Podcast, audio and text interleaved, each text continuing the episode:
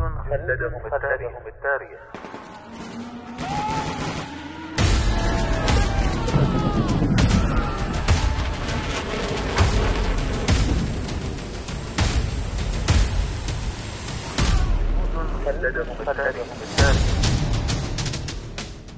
كم يفخر التاريخ العسكري برجال كتبوا سيرهم في سجلاته بحروف من الجهد والتضحية والعطاء.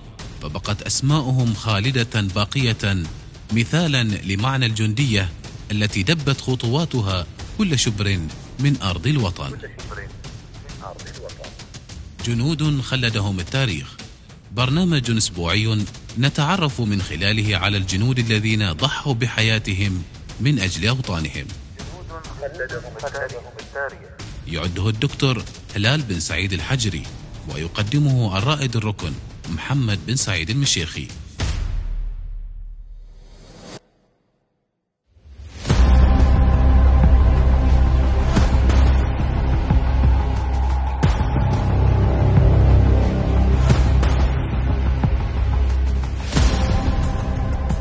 جنود خلدهم التاريخ. إيفان بافلوفيتش سيريدا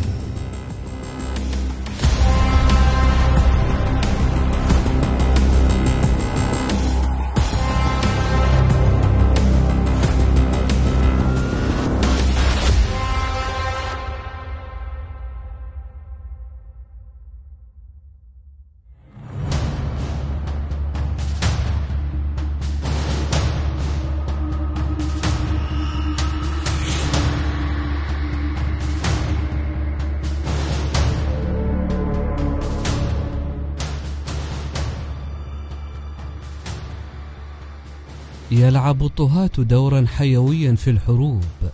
إلى جانب تغذية القوات المسلحة فإنهم يحافظون أيضا على الروح المعنوية التي لها تأثير كبير على الأداء. وقد أخذ أحد الطهاة في الجيش خطوة أخرى إلى الأمام ليصبح بطلا. إنه الطباخ البطولي لاتحاد الجمهوريات الإشتراكية السوفيتية في الحرب العالمية الثانية إيفان بافلوفيتش سيريدا.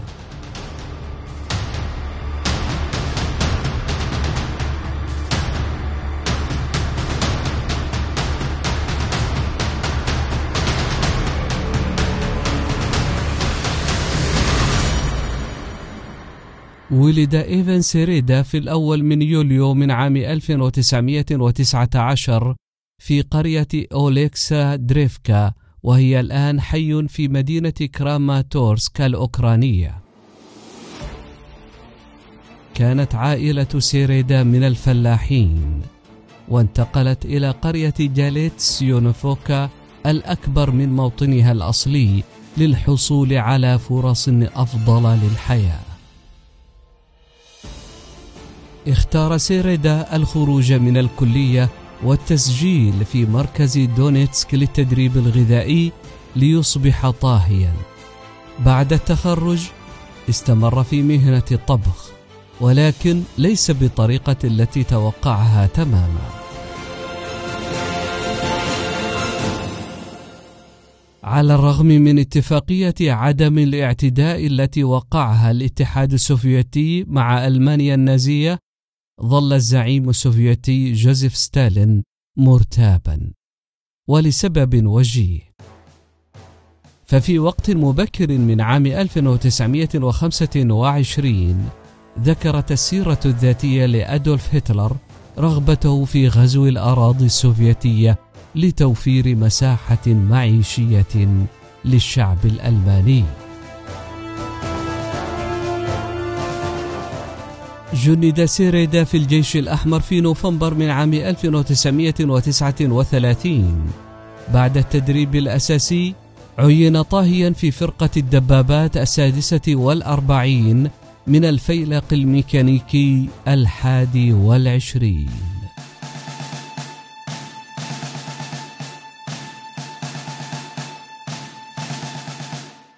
في شهر فبراير من عام 1941 بدأت القوات الألمانية في التجمع على الحدود الرومانية السوفيتية.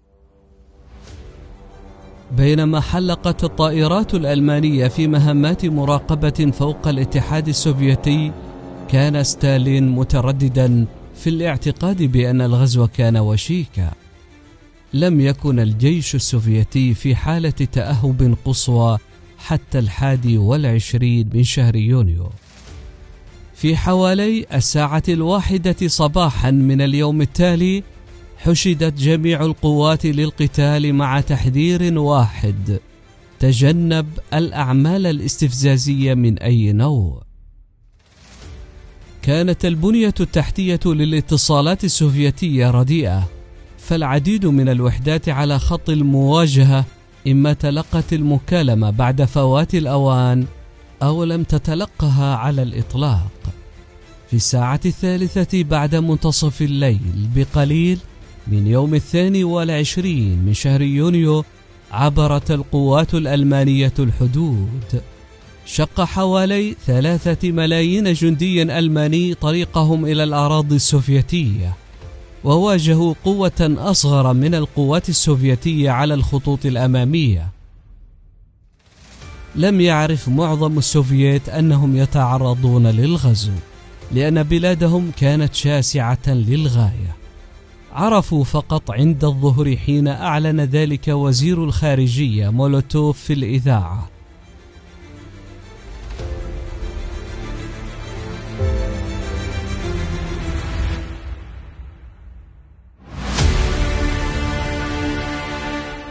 في شهر أغسطس من عام 1941 كان سيريدا في معسكر خارج مدينة دفينسك. كان المساء وكان الجنود يخرجون للمناورات تاركينه وحيدا في مطبخه الميداني يحضر العشاء. فجأة أقبلت دبابة وفكر سيريدا في الأمر متسائلا. عن عدد الرجال الذين سيحتاج لإطعامهم. ثم أدرك أن الدبابة لم تكن سوفيتية الصنع. كانت ألمانية. اختبأ سيريدا خلف خيمة المطبخ. توقفت الدبابة وخرج منها أربعة جنود يتحدثون باللغة الألمانية.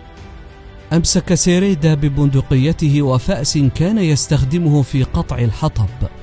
ثم هاجمهم وهو يصرخ مثل المجنون. صعد الألمان معتقدين أنهم أقل عددا إلى دبابتهم مع الطاهي السوفيتي الذي تبعهم مباشرة.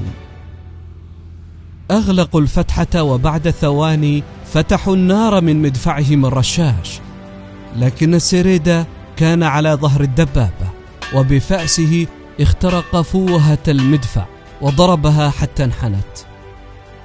قام الجنود الألمان بتسريع الدبابة للفرار لكن سيريدا سد ثقوب الرؤية حتى لا يتمكن الألمان من إبصار الطريق.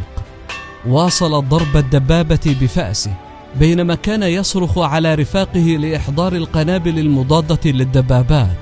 لم يكن رفاقه في الجوار ولكنهم لا يعرفون أن الألمان استسلموا إذ أمرهم سيريدا بالخروج واحدا تلو الآخر. وكلما ظهر كل جندي أمرهم بربط بعضهم البعض. عند عودة الرفاق أعجب القادة بأفعال سيريدا ورقوه إلى رتبة كشاف.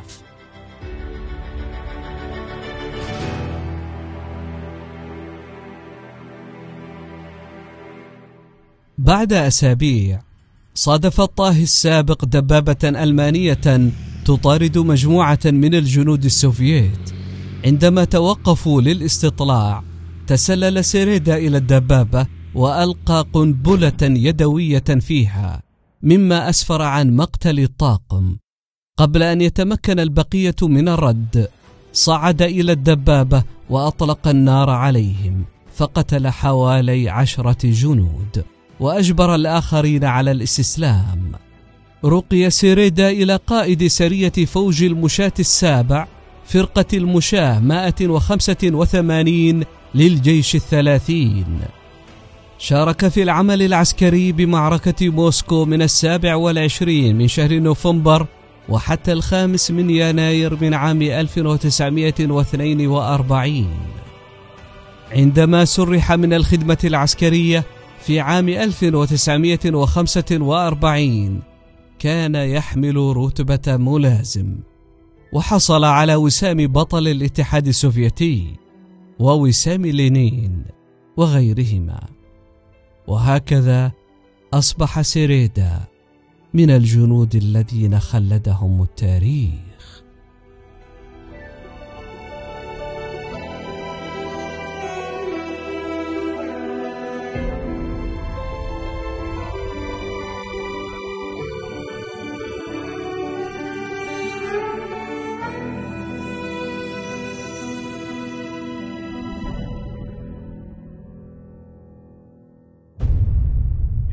خلدهم التاريخ.